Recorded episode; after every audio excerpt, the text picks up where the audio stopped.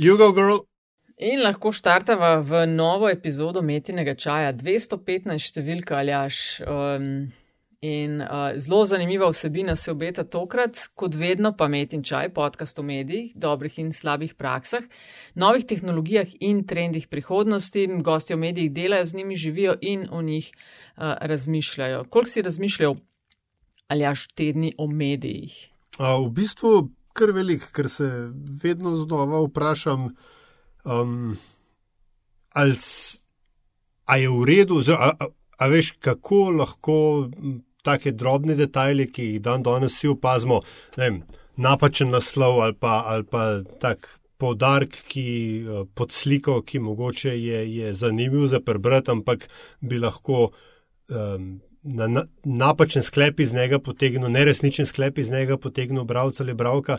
Ta, take stvari se mi zdi, da smo dosti bolj občutljivi postali ne, v letu zadnjem letu in pol na um, medijske bližnjice, da jim tako reči. Mm -hmm. Ali pa so se te začele malo bolj uporabljati, tudi mogoče, pa da je prej veljal, uh, veš, kaj, ko govorim to, imam v mislih, kakšne manipulacije so možne s fotografijami, a veš, ko politike recimo eh, dobijo v kakšni, ne vem, kričeči pozi, pa je pač lahko bil samo ali pa bila med tem, ko je nekaj govoril, ne.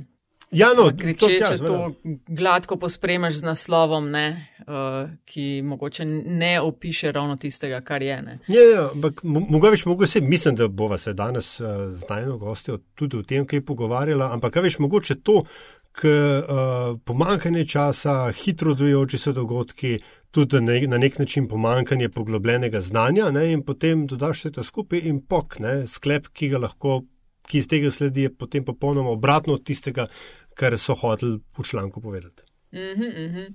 No, mi dva sva, tisti, ki ste zamudili uvodno epizodo te nove sezone, jo štartala mal drugače, kot jo sicer delamo Metin čaj. Skupaj z nami je bila Barbara Šurk, ki je imela posebnega gosta, ker je ravno padla vdaja na 11. september. Tako da, Barbara, še enkrat eh, hvala in mi dva, aljaš, nameravava kaj takšnega podobnega do konca sezone še kdaj ponoviti. Ne? Čisto redo je bilo, super je bilo.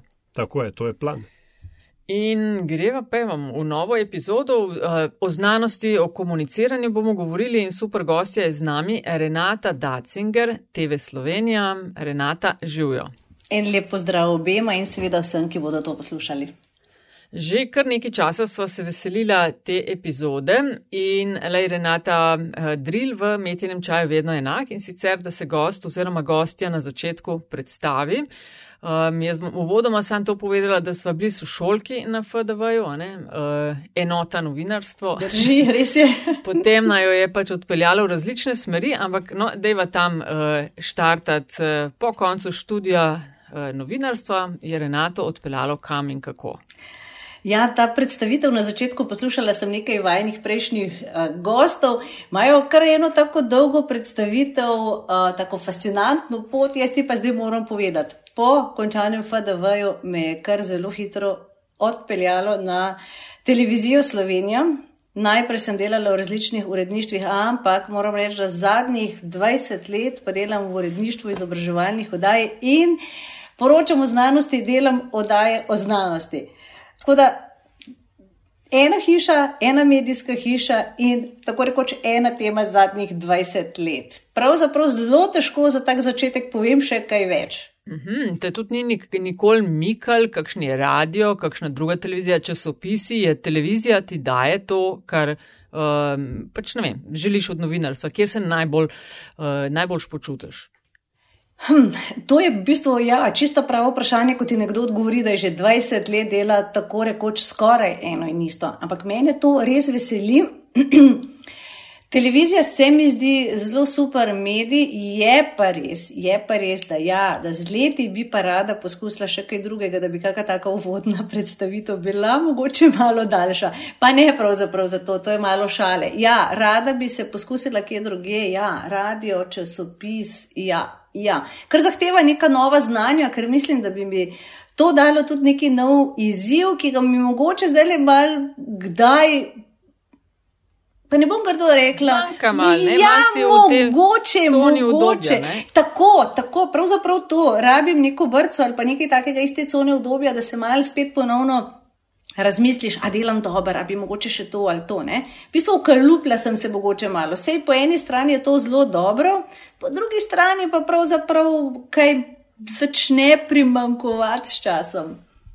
Ampak, oprosti, Renata, človek bi si mislil, da je ravno to obdobje zdaj, ne, dan današnji, tako rekoč zlata doba poročanja o znanosti, delanja vsebin o znanosti. Ja, to imaš pa prav. Jaz mislim, da je zdaj to obdobje res uh, najprej. Moram reči, da se je pravzaprav znanost nekako počasi, bi lahko rekla, uh, začela pomikati v, na prve strani časopisov, uh, da so nekako dosežki prišli med ljudi, da se je začelo zanimanje med publiko. Med novinarji, ki so o tem poročali, pa tudi znanstveniki so nekako začutili, da je mogoče fajn, da o tem govorijo. Uh, Potem se je pa zgodila ta pandemija, zdaj pa je v bistvu, ja, lahko rečemo, neka taka zlata doba in pomen komuniciranja znanosti se je zelo jasno pokazal. In kaj je tvojih 20, tvoje 20-letna, če sem prav rekel, longitu, longitudalna raziskava? Uh, pokazala. O, pokazala ne, um, konkretno v javnem servisu, kot je um, RTV Slovenija, uh, ki v bistvu ima in misijo, in dožnost, in končni vas je tudi resurse, da ti omogoča to vrstno delo? Ja, jaz mislim, da recimo pred 20 leti je pravzaprav bila včasih znanost bolj kot neka zanimivost uh, v informativnih oddajah. Da tudi sami znanstveniki niso prav radi ali pa tudi ne dobro komunicirali svojega dela, niso pravzaprav niti čutili te potrebe, ne, da bi to svoje delo predstavili izven teh štirih sten, laboratorija, fakultete, inštituta. Um, Danes pa je to pač drugače. Enostavno znanost si je utrla pot v, kot sem prej rekla, v dnevno informativne oddaje na prve strani. Če pa ne to, pa že vsaj ima nek svoj zavihek znanost. Ne? Je nekaj takega kot, ne vem, novice tujina, ne vem, uh, ZDA, pa lahko rečemo tudi, vem, črna kronika, pa potem tudi znanost, en tak posebni zavihek, posebna rubrika ali pa kot kultura, recimo. Uh, spremenilo se je, spremenilo se je v teh 20 letih uh, kar veliko. Pa, pa v bistvu vedno pravim, da na vseh treh teh nivojih, se pravi znanstveniki, mi, novinari, pa recimo medijske hiše, pa tudi uh, naša publika, naši gledalci, naši poslušalci. In potem se je zaradi pandemije ne, in vsega s tem povezanega zgodila seveda ironija, da so o temah, ki so zelo močno povezane z znanostjo, kot so razvoj cepiv, njihova uporaba, ne, vse te teorije zarote in tako dalje, a, morali ne, poročati tudi kolegi, ki niso bili, da rečem, iz tvojega ožjega um, miljeja uredništva, kakorkoli se temu reče. A, kaj si tu opazila? To pa je tisto, se pa mogoče lahko vrnem na tisto, kar sta pravzaprav vidva dobro povedala v uvodu. Včasih se tudi znanost znajde.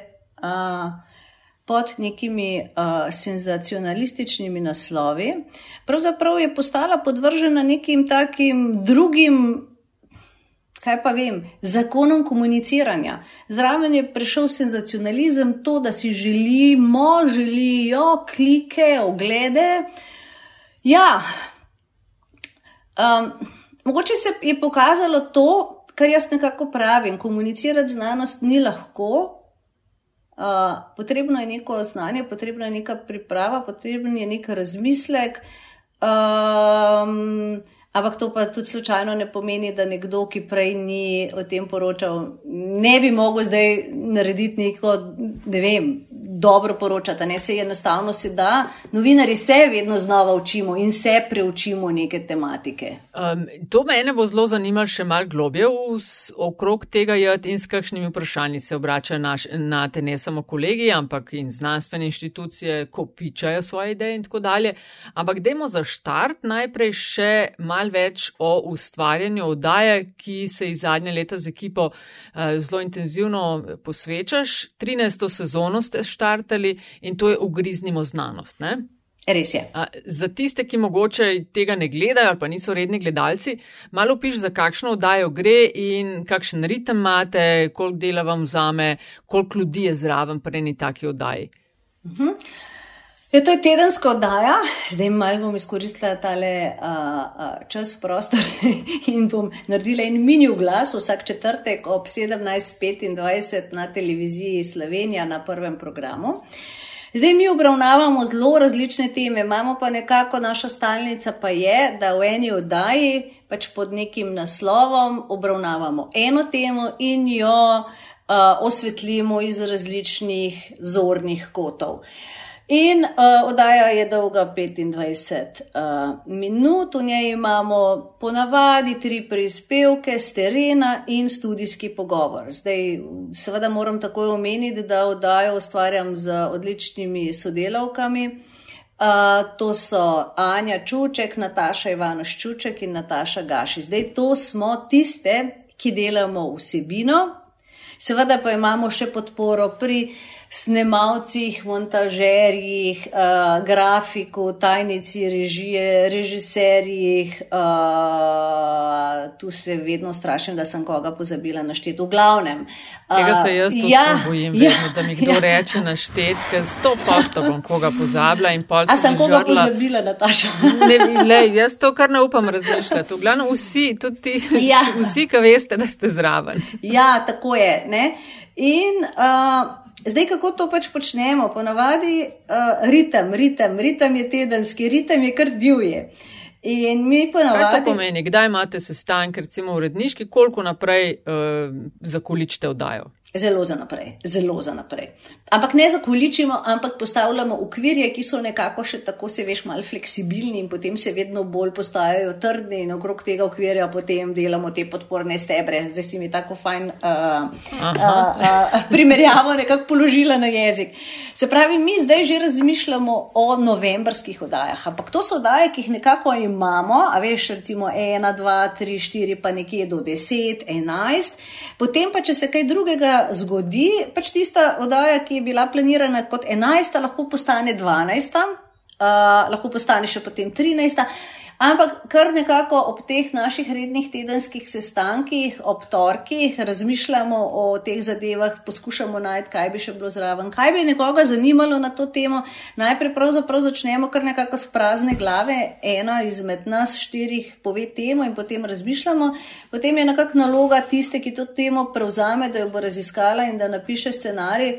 Uh, neka globija raziskava in iz, teden, teden, iz tedna v teden potem razmišljamo, kaj bi dodali, kaj bi dozeli. Pa kdo se pri nas s tem ukvarja, kdo je pravi sogovornik, uh, to je nekako tako okvir. Potem pa imamo še vsak ponedeljek montažo, v torek sestanek in studijsko snemanje, v sredo terensko, v četrtek terensko in v petkih montažo. Tako da od tu potem tudi uh, to, da smo nekako malo tirjeni, ker imamo vsak teden nekako isti ritem. Ne? Oddaja je v živo, ne? Ne, oddaja ni v živo. A to pa v torek uh, ja. posnamete, pa v četrtek date ven. Tako je. Aha, ok. Če se kaj vmes zgodi, a se je kdaj vmes kaj zgodilo, ker je bilo treba kaj popravljati? Največkrat samo krajšamo. To je pravzaprav Aha. vse. to je pravzaprav samo vse. Mi si želimo mogoče malo daljše oddaje, zato ker uh, smo gotovili, da vsaki pride k nam se nam nekako izmuzne in ne želi govoriti samo o tem, kaj ga vprašamo, ampak nekako želi to širšo sliko. Ne? Uh, povedati svojih raziskav, svojega področja, in včasih smo enostavno predolgi, pa se potem nekako dogovorimo, da bomo to skrajšali. Sej verjetno to poznaš. Ja, veš, da. Ne, ne, ne poznamo, mi ne poznamo. mogoče boste bosta danes poznala. Ali ja, to redno na dva tedna, vsak petek oziroma četrtek je montaža, le, da dajo, da ujamemo tistih 35 ja, ja, ja. minut. Ampak ne, resno, Renata, um, en, ni trenutek za uh, sočutno ramo, ne, ki si jo zdaj lahko en drugmu damo. A se te tudi, oziroma vam tudi kdaj zgodi, da dobite relativno kul, cool, ne vem, znanstvenika, znanstvenico. Ja, večin, to večinoma, se nam zgodi. veči, večinoma, so, večinoma sem jaz izkušnje z, z moškimi predstavniki te vrste, ker se z njimi pogovarjaš. Se zmeniš, kaj v čem se boš pogovarjal, in je vse super, in je dober, kaj boš rekel. Noro, in rečeš, to bo odličen ja. pogovor, ja. na kar se pržge lučka. Ja. Uh, Uh, ja, uh, kot sem prej uh, že omenil, se, uh, smo na ta način uh, to delali. Ja, kaj, uh, lahko ponovite vprašanje, prosim? Uh, ne, jaz pravzaprav mislim, sem, da bo še nekaj drugega povedal. To je prva stvar. Ja. Druga stvar pa je, da se z nekom pogovarjaš in fino in preprosto vse razloži in rečeš, oj, kako je to super, vsi bojo razumeli, ne samo razumeli, še zanimivo je. Ne? In potem se prižgejo luči, kot si ti rekel, ne? Prispodobi, in potem začnejo leteti ven tujka za tujko, za tujko, mm -hmm. za tujko. In potem gledaš in nekako širiš oči in se sprašuješ, kaj se je zgodilo, zakaj in kdo ti je zamenjal gosta. pa ga ob enem še tako spremenil, da, da je videti isto kot tisti prejšnji. Uh, ja. To je tisti problem, ki se mi zdi, da je še vedno pri nas in pri naših znanstvenikih en tak strah, da ne bo čisto korektno povedano, da bo preveč poenostavljeno. Ja, to se Vse. nam veliko krat zgodi in tega mi je kdaj res žal, ker se mi zdi, da je. Da ne vem, no, uh, nekje sem prebrala en članek, pred kratkim sem brala o komuniciranju znanosti. Nihče se ne bo pritožil, če bo vse razumel. Marsikdo pa se bo, oziroma vsi pa se bodo, če ne bodo nič razumeli. Ja, sam se veš, kaj je pol finta, ker smo mi dve tudi že sedeli na kakšnem skupnem srečanju o tem, kako bi se te stvari dalo izboljšati. Finta je pol, ja, kaj bodo pa rekli kolegi in kolegice, ker sem tisto besedo uporabil, ko je sicer dva milijona ljudi raz, razume, ne pa tisto, ko je nas 16 v Sloveniji razume. Ne? Ampak jaz zdaj, pa, zdaj sem pa ugotovila, da bom vse te ljudi, ki nama to rečejo, vprašala, koliko ljudi pa se dejansko vam pritoži, pa vam reče, da niste dober uh, govorili. Resno me zanima, ali je to še tako živo ali je to neki ta prastrah. Kaj misliš ti, Nataša? Ampak sej, eh, to, kar sem jaz rekla, v bistvu ni ciljalo na ljudi. Eh, ja, jaz, ja, ja, kot ja. jih razumem, se bolj kolegov, ne, in to ja, ja. ponavadi, ko kar mi rečejo, vedno dobijo od enega, dveh, treh, uh, a veš, na račun preveč poenostavljeno in tako dalje. Ne. Ja, pa tisto pa ni bilo čisto res. Veš, si ja, spustil še eno besedo, ni, ni, ni čistko. Ja, sej sem razumela, ne, sem v bistvu, jaz nikoli nisem vprašala teh znanstvenikov, ki mi potem to povejo, ta svoj zadržek, pa a se kdo res dejansko pritoži, a pride kdo do vas pa reče, tole pa ni bilo v redu. No, to sem mislila. A je to še tako živo med njimi, ali je to nek tak strah iz, ne vem. Um, jaz mislim, da gre v veliki meri tudi za pomankanje izobraževanja na to temo. Ne? V nobeni fazi svojega razvoja, kot znanstvenikov in znanstvenic, ne dobijo informacije o tem, kako je treba komunicirati A z mediji, B s publiko, ne samo s strokovno javnostjo. Ja, ja. In sej to se, to se mali izboljšuje. Prej, ko smo govorili o minutaži, ne? ena stvar pa je prednost takšnih medijev, kot je tudi recimo Metina lista. Veš. Vi morate krajšati, pa verjetno, da včasih boli ker imaš kaj dobrega, pa pač moraš minuto not pridobiti. Ja. Ali pa dve, ali pa pet. No, tako, ko delaš za splet, ali pa na tak način, kot mi tudi delamo, no, je, kaj je dobra vsebina, mislim, pač je dolgo, kolikor je dolgo, da povemo, kar je treba povedati. To je res velika prednost. Ja, to je odlično. In nekako ljudje, ko pridejo k vam. Uh, Ne vem, vsaj jaz sem taka nekako poslušalka podcastov. Ko začnem poslušati, poslušam nekako do konca. Jaz sem se odločila, da bom to poslušala. Ne? Pri televizijskih oddajah se mi pa zdi, da ta daljinc v roki, da je tak naš sovražnik. pa, pa potem še mobitel, po katerem lahko brskaš. Uh, ja, ne, ja. Ki ga imaš tudi vedno nekje pri roki. Ja, da povej, kakšno imate, um, kaj gledanost, oziroma s kakšno ste zadovoljni, ali pa kakšna, če je, da vam rečejo, ker zdaj pa vas to moderno tudi mal rejtinge gledate, ne? to ni več samo komercialna televizija.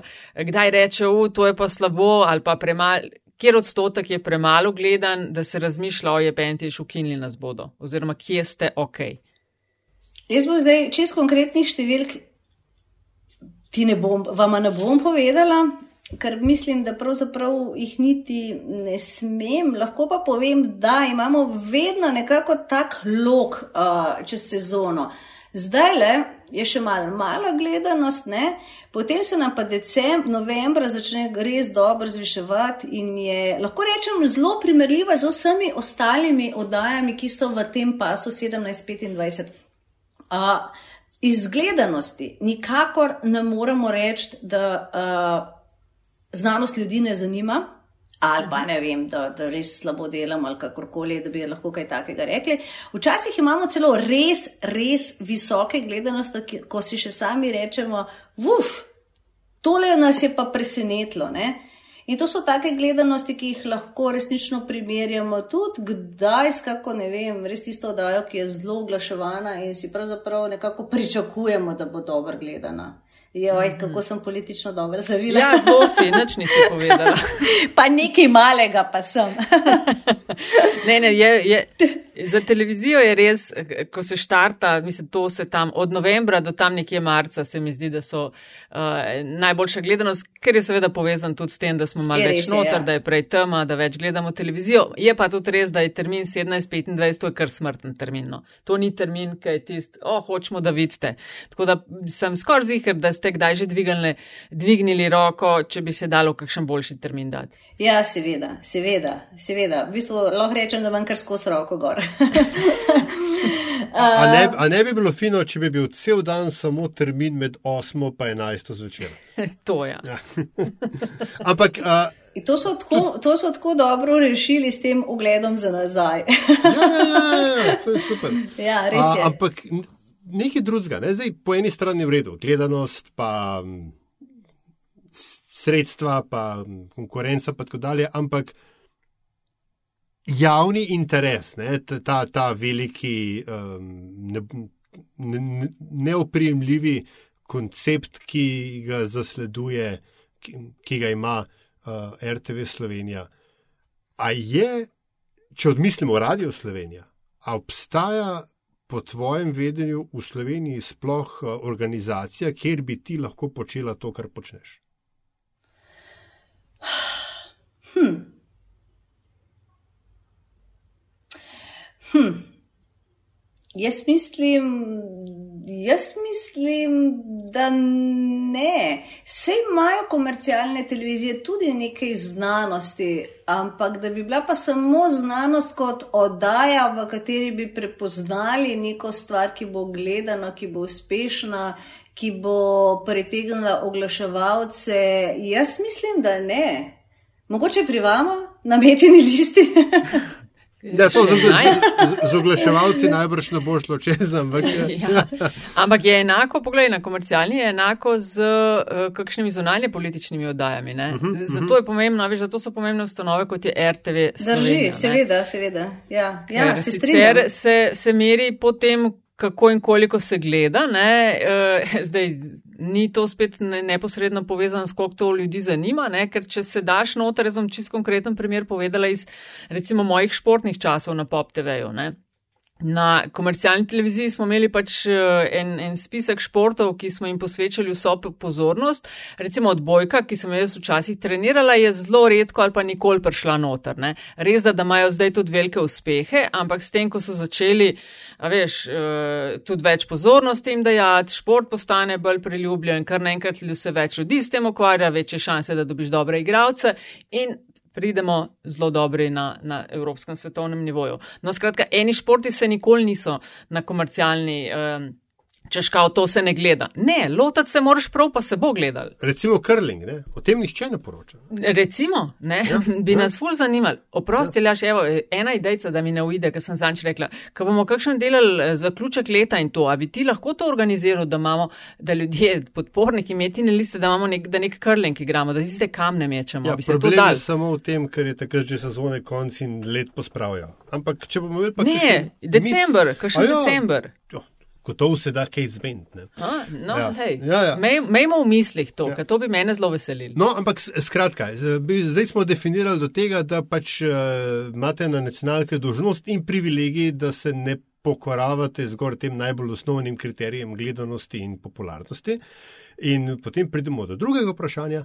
Kakšen je pa, uh, Renata, tvoj, vaš uredniški proces, ko se odločate, ali boste poročali o razvoju, um, ne vem, vodikove uh, celice, ali o cepivu, ali o vem, najnovejših biodognanjih. Skratka, tudi na področju znanosti je en kup pač vej, ki tudi tekmujejo za pozornost med seboj. Ne? Mhm, res je.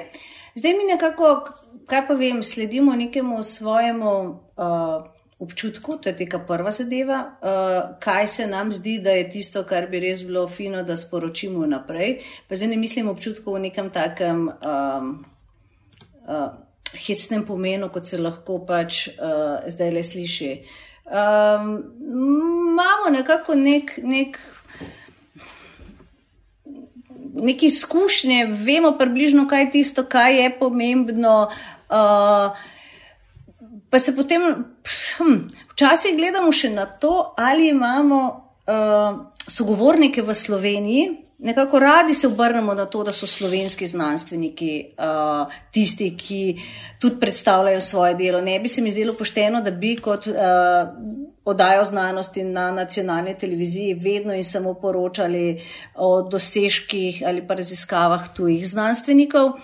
Potem pa pač vse te nekako, pa, pa še sledimo temu, kaj se mogoče dogaja, če tak preprost uh, primer. Uh, ne vem, dvakrat, trikrat na leto v Slovenijo prinese pesek iz Sahare. Pa se mi je zdelo to vedno zanimivo. Potem pa ugotovim, da pravzaprav dr. Žiga Zaplotnik na fakulteti za matematiko in fiziko nekako razvija algoritme in uh, gleda, kako bi lahko iz teh oblakov peska, ki jih zaznavajo sateliti, računal hitrost vetra. In se mi nekako zdi prav fajn stvar. Ne? Vse nas zanima, zakaj tale pesek pride do nas, pa zakaj samo nekajkrat na leto, potem pa iz tega lahko razvijamo neko zgodbo. Ponovadi nekako na ta način začnemo, štartamo, najdemo stvari, ki se nam zdijo vsem zanimive in jih potem hočemo še opet v slovenski prostor. No, in kje je po vaših opažanjih slovenska znanost močna? Uf. Zdaj mi najprej, veš, mi pade na pamet tak političen odgovor da smo močni na različnih področjih. No, okay. no, no, In da se to... v bistvu dobro razdrobi. Ne vem, v bistvu. Hm. Veš, tako zdaj samo eno področje nekako ti odgovoriti. Uh, jaz najprej, ne, uh, v grezdu znanost uh, zanemarja, sem bolj potiho rekla, družboslovje. S no, tem se ne ukvarjamo prav veliko in tle sem kar ja. precej bosa. Ne? Tako da, kar se pa naravoslovja tiče, se mi zdi pa, da je danes pravzaprav ta znanost tako zelo razvejena. Ne? Če se nekdo na katedri za meteorologijo ukvarja z računanjem hitrosti sakarskega peska, meni se zdi to zelo taka mala stvar, ne? mi smo tako osko področje. Ne? In zato, zato v bistvu, jaz mislim, da smo kar močni v naravoslovju. Poglej, uh, biologija, morje, se pravzaprav se mi zdi Ne vem, zdaj, če bi me vprašal obratno, kje pa nimamo dobrih raziskovalcev. Pa. Ali pa mogoče ste delali kdaj po kakšnem koncu sezone čistko, ker zdaj smo dve področji omenili. Ne? Zares je potem še biotehnika, pa humanistika, medicina in tehnika. A ste kdaj tako uh, potem razsekali oddaje? Ne vem, največjih je bilo na temo nekaj, ne, ne vem, naravoslovnih tem, biotehnike, tehnike ali ne. Ja, to nekako pogledamo in si nekako uravnotežimo. Da imamo, recimo, eh, že med letom si rečemo, da zdaj smo že pa tako veliko v medicini, da imamo zdaj neko tako čist tehnično stvar noter. Da imamo zdaj pogledati, kaj se kaj pri nas recimo dogaja, kaj poznamo, raziskave, pa malo tle, pa malo povohljamo naokrog, pa rečemo, da to bi bilo pa zdaj dobro, da nismo preveč v eni smeri. Ne. Uh, gledamo in v bistvu ni taka težava. Jaz lahko rečem, medicina, vrhunski dosežki, ne vem, uh, uh, jedrska fizika, uh, ne vem, uh, fizika malih delcev. Pf, če začnem naštevati, v bistvu mislim, da bi kar posod našla koga. Res ti težko odgovorim na to, kje je težko najti strokovnjaka, zakaj. Hm, hm. Je pa čez leto se pa to hitro najde, veš, pridemo do teme, kjer nimamo kdaj sogovornika pri nas v Sloveniji. Zdaj, ko me pa nasplošno vprašaš, pa ne znam odgovoriti. Am, no, in smo spet ne, pri uh, znanstvenikih, ki so predit, verjujem, um, polni uh, informacij, ne, potem pa ne znajo, ne, ko se kaj treba snemati. Uh, malce, malce hecam. Um, ampak nekaj, uh, mogoče vendarle, ker se mi zdi zanimiva tema to zdaj. Uh, v bistvu imamo dve pod vprašanje. Eno, a se ti zdi, da uh, slovenska, kaj je to, država, ne, financira tiste veje znanosti, ki jih potrebuje. Zdaj, zelo iz petnih žil vlečem, ne, ampak iz očitnih razlogov je uh, seizmologija v Italiji čud, zelo dobro razvita. Sploh vulkanologi ne, imajo tam veliko denarja in jih je veliko, sploh na jugu Italije in tako dalje. A je v Sloveniji uh, kakšna um, veja znanosti, ki v bistvu bi jo rabili, pa jo ne razvijamo? Hm. Mm. To je zelo dobro vprašanje. Jaz sem prepričana, da, bi, da, bi, da je odgovor ja, ti pa pravzaprav zdaj pol naprej. Nekako težko odgovorim, katera. Ker jaz sem najbolj vesela, da se pravzaprav v oddaji ukvarjam z vsebino, ne, ne ukvarjamo se pa s tem, s financiranjem znanosti. Ali bi bilo fajn, da bi nekdo drug dobil nekaj več denarja, ali pa da ne vem, da ima nekdo nekako monopol ali pa prevlado na raziskovalnem področju. Ne, ne, ne, ne, ne, uh, vem, vem, vem, da je bilo vprašanje malo bolj splošno. Ja, hm. Ne, ampak recimo, evo, gled, da ti dam čist hipotetičen primer. Uh, do 2030 ali 2035 ne bi v EU končno nehali delati dizel na frišno in, pač in, in je ta premik na električna, hibridna vozila in tako dalje. Vem, da se je v Sloveniji nekaj na to temo delalo, eni zelo specifični uh, izumi oziroma inovacije uh, so bile, ampak a je kot če hočete vi delati eh, prispevek o razvoju o eh, pogonskih celic, ne, uh mhm. -huh. alternativnih, a imate v Sloveniji dovolj sogovornikov, da lahko naredite oddajo iz tega? Ja, Jaz sem pripričana, da zagotovo najdemo sogovornika, ki bo znal vse o tem povedati, ki je mogoče celo upet v neke tuje raziskave. Je pa vprašanje, če bomo našli v Sloveniji neko res konkretno raziskavo, ki bo dala tak rezultat, ki bo dejansko potem tudi prešel v industrijo in bo uporaben in bomo mi leta ne vem katerega se s pomočjo tega bolj zeleno vozili. Jaz bi pa še eno drugo stvar imela na temo tega, no, mislim, malo povezano kar je Aljaš sprašval. Mene pa zanima, res da vemo, da je odvisno od kdaj gre v program, oziroma da so septembrske pa majske vdaje verjetno slabš gledane, kot tiste novembrske pa februarske in tako dalje, zaradi znanih razlogov. Um, pa verjeten uh, pri roki kakšen podatek ali pa občutek, za kere vsebine pa veš vnaprej, da znajo biti zelo gledane, ali pa kje mogoče postrežeš lahko z mal zgodovinskega pregleda, kje so bile oddaje najbolj gledane, o čem ste takrat poročali, kaj ste delali. Uh, pred leti smo delali oddajo o dronih in mene je zelo presenetilo. To je bila ena prvih oddaj, kjer smo pravzaprav dobili neskončno veliko uh, ogledov preko spleta. Ampak to je bilo recimo enih 4-5 let nazaj, ko recimo še dronov res nismo nekako vsak jih ni imel doma. To me je takrat presenetilo in se mi je res delo, da je verjetno bila prava tema in da je bil zbran, uh, ne vem, da je bila prava tema, da je ljudi to zanimalo. Takrat so se mi zdeli tile kliki zelo uh, relevantni. Zdaj, uh, Še zanimivo mi je, pa ne razumem, zakaj, da pri nas pravzaprav nikakor ne, uh, ne uh, ljudi ne zanimajo oddaje v vesolju. Tle so pri naši oddaji, uh, naša oddaja teh tem ne proda dober. Res, ne, ne. Zanimivo. Ja, zelo. Uh, bi prav zelo rada našla vzrok. Potem, če pa malo pogledam, lani smo imeli kar nekaj oddaj, ki so se, tako bi rekla, uh, borile za prvo mesto. Lani smo delali pravzaprav čisto znanost tudi v kozmetiki. Koliko tako se mi je zdela tema, ki so me sodelavke morale kar mal prepričati v njo, uh, kaj pravzaprav deluje, vse, kar nam obljubljajo. Uh, zdaj, uh, jaz sem rekla, pa jo, mene to tudi ne bi zanimalo, nekako sem sebe izhajala, pa se mi je zdel. Tole ne bo, ampak je bilo zelo gledano. Uh, se pravi, sem se motila in sem v bistvu oči za to, kar sem gledala, da pač mene to ne zanima. Drugače pa tudi lani, recimo, smo imeli temo uh, o tem rojstvo s carskim rezom, da ali ne. Zelo gledana oddaja je bila. No, da, vidiš, ja, ja, ja. ja tako je malo bolj eh, bližje na nek način mogoče. Ja, ljudem, ja, ja, se jaz vedno pravim, da v bistvu, ko komuniciramo znanost, je potrebno najti tisto ali pa tisti trenutek, tisti, tisti delček, kjer se ta tema dotika ljudi ne? in potem se da pravzaprav ta interes naprej vzbuditi. Zelo gledano, pa tudi taka tema je bila, na katero smo dobili tudi kar neki.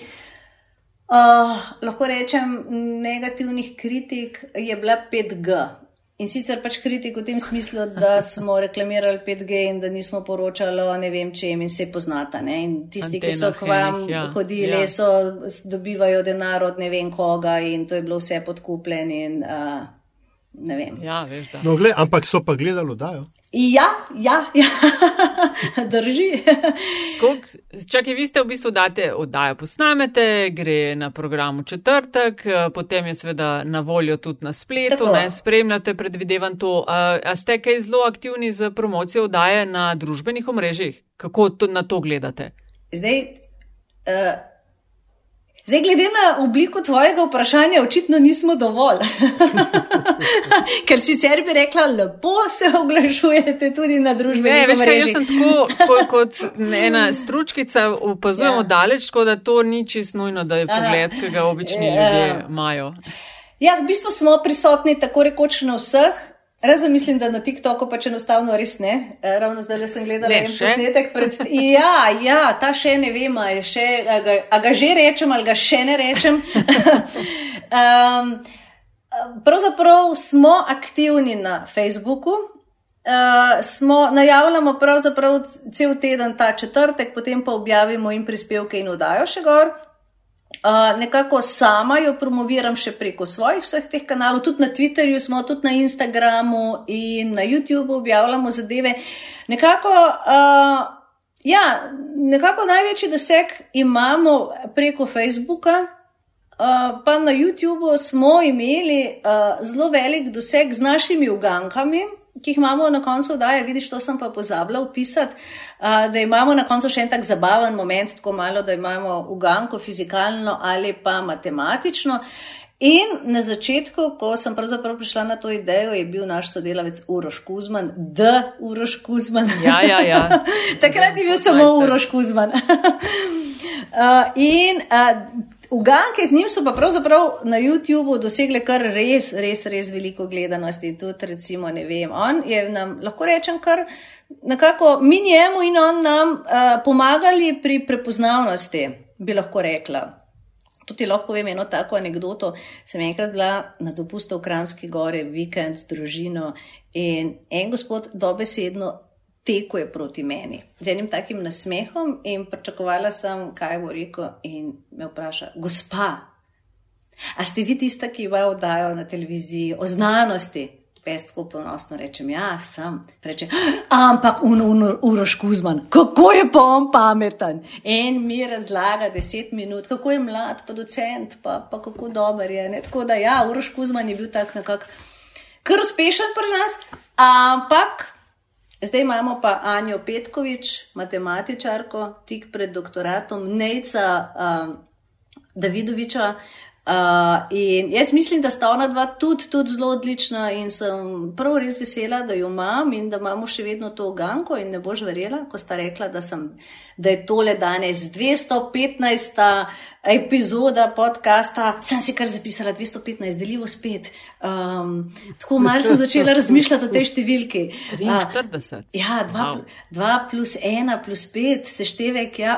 tako kar nekako ste me okužila, tudi s temi številkami, s tem razmišljanjem. Uh, a veš, da sem pozabila, kaj je bilo vprašanje? Odneslo me je. Čakaj, ja, ne, jih je več jih je bilo. No. E, govorila si pač o tem, tudi, e, kako no. No, ali až o čem je govorila? Tako se začne Alzheimer. ja. A, ne, o, o, o, pogovarjali smo se o TikToku, pa o ja, družbi. Ja, ja, ja, hvala, hvala. Tam se je začelo. Odnet, ja, Tam se je začelo, potem je šlo naprej na YouTube in potem na naše oganke drži. Ja, no, v glavnem smo, smo, smo aktivni. Uh, je pa res, da nismo tako zelo aktivni, kot bi recimo lahko bili, kar enostavno. Se veš, kako je danes v medijih? Vedno, več, vedno manj ljudi počne vedno več. Oh, ja. To ste povedali v prejšnjem uh, podkastu. Uh, in uh, sem si rekla, da ja, je čista resnica. In zato pravzaprav nekako je to tisti, tisti plus, ki ga naredimo takrat, ko je vse ostalo delo upravljeno, še pa se ukvarjamo s, ukvarjamo s promocijo oddaje na družabnih omrežjih. Ja, ej, še par stvari, čist preden zaključimo, no? ker smo se deloma to že tega dotaknili, o tem, kako dobri um, so znanstveniki in znanstvenice v komuniciranju z, z mediji in splošno javnostjo. Uh, kakšna so tvoja opažanja? Uh, zdaj, prej smo že malo menili, da pač je opazno, da ne dobijo v nobeni fazi svojega razvoja te neke treninge, kako in kaj, in to prihaja pol ali pa pripelje do, do kakšnih kratkih stikov. Uh, kaj ti opažaš? Kje jim manjka, kaj jim manjka, da bi lahko bili boljši? Mogoče res te, te uh, prakse, neke vaje, nekaj, kar bi jim uh, mogoče dalo tudi to samozavest, da ne govorijo samo v svoji raziskavi. Veš, včasih se mi zdi, da v Sloveniji nekdo res raziskuje neke osko področje, pa je vsekakor zato, da je prišel do tega oskega področja, štartal nekje v neki širini. Ne? In ima to znanje, ampak se mogoče ne čuti, da bi komentiral karkoli. Pa, dobro, ne mislim, da bi biolog komentiral jedrsko fiziko, nikakor Razumem, ne. Ja. Ampak malo širše, ker mi kdaj pravzaprav potrebujemo sogovornika, uh, ki zna. Ali pa zna sklepati, ali pa zna povedati iz izkušenj, iz znanja tudi nekaj več. Ne? To se mi zdi, da pri nas grozno manjka, da se vsi nekako želijo počutiti varnega tam, uh, s čimer se ukvarjajo in ne želijo zahajati na druga področja. Zdaj pa tako, če bi pa morala generalno reči, pa bi rekla, da, da imamo odlične znanstvenike, ki bi res samo mal truda ali pa s tem, da bi jih nekdo opolnomočil, lahko postali odlični tudi komunikatorji znanosti. Veš, vedno pride do tistega, Mogoče ni čisto moje področje, kaj bodo rekli, kaj bodo rekli uh, kolegi. In uh, če jih vprašaš nekaj o neki čisto določeni raziskavi, se mi zdi, da želijo povedati še vse okoliščine in res veliko vsega ostalega. Uh, in kdo je financiral? Jo, in v okviru katerega projekta. In v okviru katerega projekta. Ampak imajo stremo, uh, aj trema vel, velika ovira. Um, ne vem, ugibam, ker mogoče, ker snemate, ker ni v živo, da mogoče mal manjša, ne vem, tvoje izkušnje. Um. Ma ja, trema je kdaj prisotna. Zdaj se mi zdi, da vedno manj zaradi tega, ker pač so že navajeni tudi tega, da se znanost pravzaprav res pojavlja v, v medijih in da ta njihov nastop ni neki, neka egzotika, ni nekaj enkratnega, ni nekaj, kar se zgodi, pa se pol dolgo časa ne bo, pa se bo potem spet enkrat. Uh, manjša trema je pa kdaj, no, je kdaj. Pride kdo, ki je v bistvu enostavno res dobi tako tremo, uh, da, da enostavno ne no, ve, ne zna odgovoriti na vprašanje. Ja. Ja, se zgodi. To res pride s prakso. No, ja, ja. Uh, je zdrava trema, je vedno, mislim, da je mal prisotna, je, je vedno dober, ker pomeni, da ti ni vse, vsaj jaz to tako vedno razložim. Ja, no. to drži. Ker, če nimaš čist nič, je pol ti čist vse, kaj bo vam prišlo. Redki so pa tisti, ki so pa tako eh, zverzirani in to, to pa takšni se ne rodijo, da si pa tako zverziran, to je pa desetletja. No, ampak jaz mislim, da se v bistvu pač tako, če pogledamo še skozi, neko, uh, skozi neki časovni kvir, se izboljšuje, se izboljšuje. Uh mhm. -huh. Jaz mislim, da ja, da v bistvu to je zato, ker pač je znanost vedno bolj prisotna in to postaja nekaj vsakdanjega in ta trema počasi izginja in oni postajajo vedno boljši komunikatorji, znajo razložiti preprosto. Jaz mislim, da imamo nekaj že zelo dobrih, ogromno je pa takih, ki bi recimo saj nekaj malega izkušnjami, treningom, pa lahko prav tako postali odlični. To, to sem hotel še vprašati, um, koliko časa pa čistko obrtniško, koliko časa snemate eno oddajo?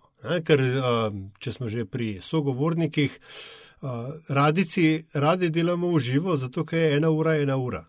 Ja. Uh, če pa snemaš, pa ena ura, takoj ura, pa pol dve, da o montaži sploh ne govorimo.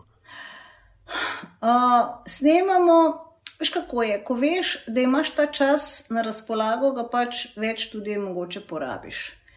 To je zdaj tista zadeva, kjer uh, je dieto pa bruto razlika. Ker v bistvu, če veš, da imaš še pol ure, jih ponavadi tudi porabiš, a ni tako, ne? Vedno, Uh, vedno. lahko še kaj spremeniš, ponoviš, dodaš. Tako da uh, pogovore posnamemo, ne vem, kdaj ponovimo kakšnega, kjer rečemo, tole je bilo pa čist. Nerazumljivo, jaz sem prepričana, da se da boljše. Ne? Ta čas porabimo za to, da pač naredimo dober pogovor, da kako stvari izboljšamo. Največ časa nam pa pravzaprav vzamejo kakšni poskusi, tisto, kar je bilo včasih veliko bolj zastopano v naši oddaji, zdaj pa je vedno manj. Um, um, to so razni prikazi, kjer je pač potrebno stvari ponoviti, ne delajo prvo. Ne? Na koncu nečevi fizikalni poskusi, to je tisto, kar vzame čas. Zdaj, da bi ti pa točno povedala, recimo, ne vem, lahko se zgodi tudi dve uri, ne?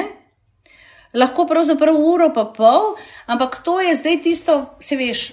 Um, uh, To je tako, da pač tudi ljudi malo ne štartamo takoj, da imamo en tak mini pogovorček, da se malo mm -hmm. privadijo na studio, na luči, na kamere. Ne? Vse to si v bistvu, glede na to, da nismo živo, nekako še lahko prvošmo. Poznano, ja. Um, Renata, preden gremo mogoče na zanimivost, še ena zadeva, kar nekaj nagrad si v zadnjih letih skupaj z ekipo no, uh, dobila za svoje delo.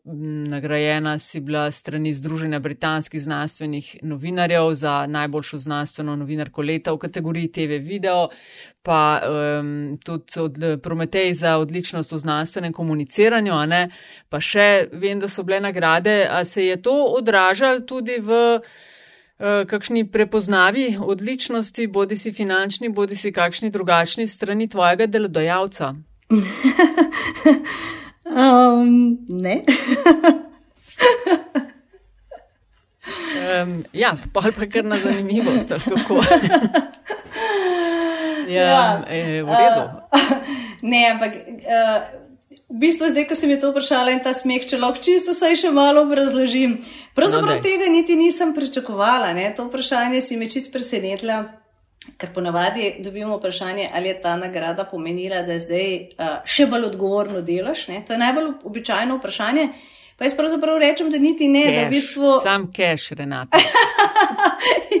ne, jaz rečem, da pravzaprav ne, ampak da je neko odgovorno delo privedlo do nagrade. Ne? Da pravzaprav ne moreš na začetku kar nekaj delati, pol ti dajo pa nagrado, rečeš, u, Madonca, zdaj pa gre za res, zdaj me pa gledajo, zdaj bomo pa mal odgovorno pristopili k zadevi. Ne? Kar se pa finančnih zadev tiče, pa, pa, pa ne vem, no, niti tega pa res nisem pričakovala. Zdaj vidiš, zdaj sem povžaljena, ker nisem dobila. Um, ja, le, mogoče pa še bo. Jaz mislim, da bi se take stvari mogle prepoznavati tudi na takšen način. Ampak ok, več različno gledamo na te stvari. Um, Renata, podcast Met in Čaj vedno z vsemi gosti in gostjami zaključujeva zalažem na enak način in to je, da povprašava po kakšni zanimivosti, ki naj jo z nami in občinstvom delijo. To je lahko karkoli zgodba, priporočilo, anekdota, misel, lahko povezana direktno s tabo in s tvojim delom, lahko pa nekaj povsem drugega. Tako da izvoli tvoje sekunde, minute. Prav. Ja, zdaj meni veliko krat gledajo, ne, glede na to, da se ukvarjam z znanostjo, pričakujejo, da bom imela ne vem koliko nekih napravic zraven in da bom ne vem pisala na telefon, ne vem snemala, brala iz zaslona. Ampak. Kar marsikoga preseneti je, da če grem na kakšen sestanek, jaz še vedno vse pišem na roko in pišem v en tak zveščič, ki se mi zdi, da je tak uh, zlata vreden, ker pogledam tudi kdaj za nazaj, kaj so sogovorniki rekli. Um, knjige nikoli ne berem zaslonov. Uh, tudi časopis veliko, veliko, veliko raje vzamem v roke, ker tam recimo članek preberem do konca, na zaslonu, na telefonu, na tablici, pravzaprav zelo grdo berem, berem naslov, pa potem prvi odstavek, pa potem mal preskočim, pa nekaj na koncu, pa potem si kar predstavljam, da sem cel članek prebrala in da kar vem, zakaj gre, pa v resnici v bistvu niti ne. In uh, kar pa v bistvu uh, koga uh, v moji bližini pravzaprav jezi, vse ostale pa čudi je, da si nič ne zapisujem. In jaz si nikamor nisem zapisala ta naš današnji, um, kako naj rečem, sestanek, pogovor, naše srečanje. Uh, ampak enostavno še vedno vse nosim v glavi. Se je ve, da se kdaj potem zgodi, da kakšno stvar pozabim. Ampak zelo, zelo, zelo redko, ali pa se pač spomnim, ne vem, res 15 minut pred tem, kar povzroči, da malo, malo nervoze pri meni največkrat, ne, kar je nekako taka zaslužena kazen za to, ker si ne zapisujem stvari.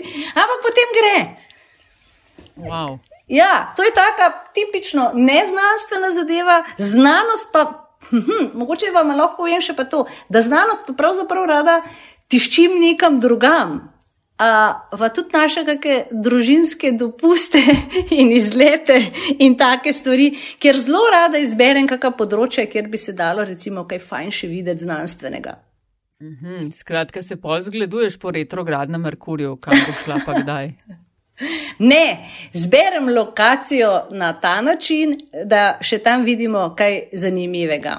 Ne vem, grozno sem si želela iti na uh, Jungfrau Joh in vrh v uh, Švici, kjer merijo pravzaprav nesnaženost zraka. In grozno so me fascinirali s tem, da nekih 80, zdaj ne vem, če se še prav spomnim, 80, 70 različnih substanc merijo v zraku in obenem tudi lahko ugotovijo, če se recimo, ne vem, poveča uporaba sredstev za anestezijo. Upam, da sem prav povedala. Oh, wow. Ali pa recimo, grozen sem si želela iti na Svalbard, kjer recimo se klimatske spremembe poznajo veliko hitreje, v bistvu vse se hitreje dogaja kot pri nas in res, ko sem si želela in razmišljala, joj, kaj bi jaz tja šla, pa nekak uh, vrh Evrope, najsevernejše mesto in In smo potem to realizirali in smo šli. Se pravi, to nekako te zadeve malo zastrupljam svoj uh, družinski krok s tem. Sam so veseli, so veseli, niso jezdili. ne, zanimive lokacije. Eh, ej, ful, hvala, ker si delila to uh, zanimivost in tole na koncu z nama. Tako res, much appreciated. Ja, z veseljem. Um, zaključna. Ja. Pa malo mal smo ti fauš, ne? To je hod. Ja. Glede potovanj, pa z teh znanstveno obarvanih dogodivščin. A ima že naslednjega opaci? Potovanje? Ja, tako. Joj, to je pa zdaj ena taka tema, ki se mi zdi, da sploh ne upam razmišljati o njej. Uh, ja, z veseljem bi, ja, nekako se mi zdi, da ali ni pravi čas, mogoče malo slaba vest. Pa veš, kaj se mi še dogaja. Recimo, sej je fajn pa luštan kamit, pa imaš pa slabo vest, da pravzaprav s tem prispevaš k klimatskim spremembam, podnebnim spremembam se lahko. De, ja, imam to lepa, slabo Renata. vest. Ja, hvala za sodelovanje. Daj imeti čaj. Spremljite ugriznimo znanost ob četrtkih. TV Slovenija, 17 kolk že. 17-25. Sorry, to je bilo malo hec, ta prekinitev. Ne, ne, uh, jaz verjamem, uh, mislim, sej res ne, naj ne bi posamezniki tega reševali, ampak ne morem si pomagati, da nimam kdaj slabe vesti. A se ti zdi tako grozen? Um, Veš kaj, ti lepo vsakič, ko greš, potem posadiš tri bukve, pa bo. Ha?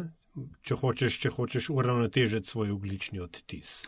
Um, Ja. Sej, sveda imaš po eni strani prav. Ja, veš, in vsakič, ko moram iti sam z avtom, kam je tudi isto, a, a je treba. Ne?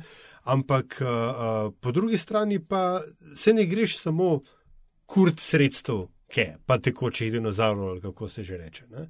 Se greš, greš povečevati korpus znanja sebe in ljudi okoli sebe, zato da ne, bomo lahko vsi skupaj uh, tudi nek nekako pomagali. No, se mi zdi, da mogoče ne rabiš imeti toliko slabe vesti. Jaz se strinjam, zalažem. Odličen, odličen zaključek, najlepša hvala. Renata Dacinger, TV Slovenija, ugriznimo znanost. Najlepša hvala, da si bila gostja podcasta Met in Čaj. Najlepša hvala, ker ste me povabila.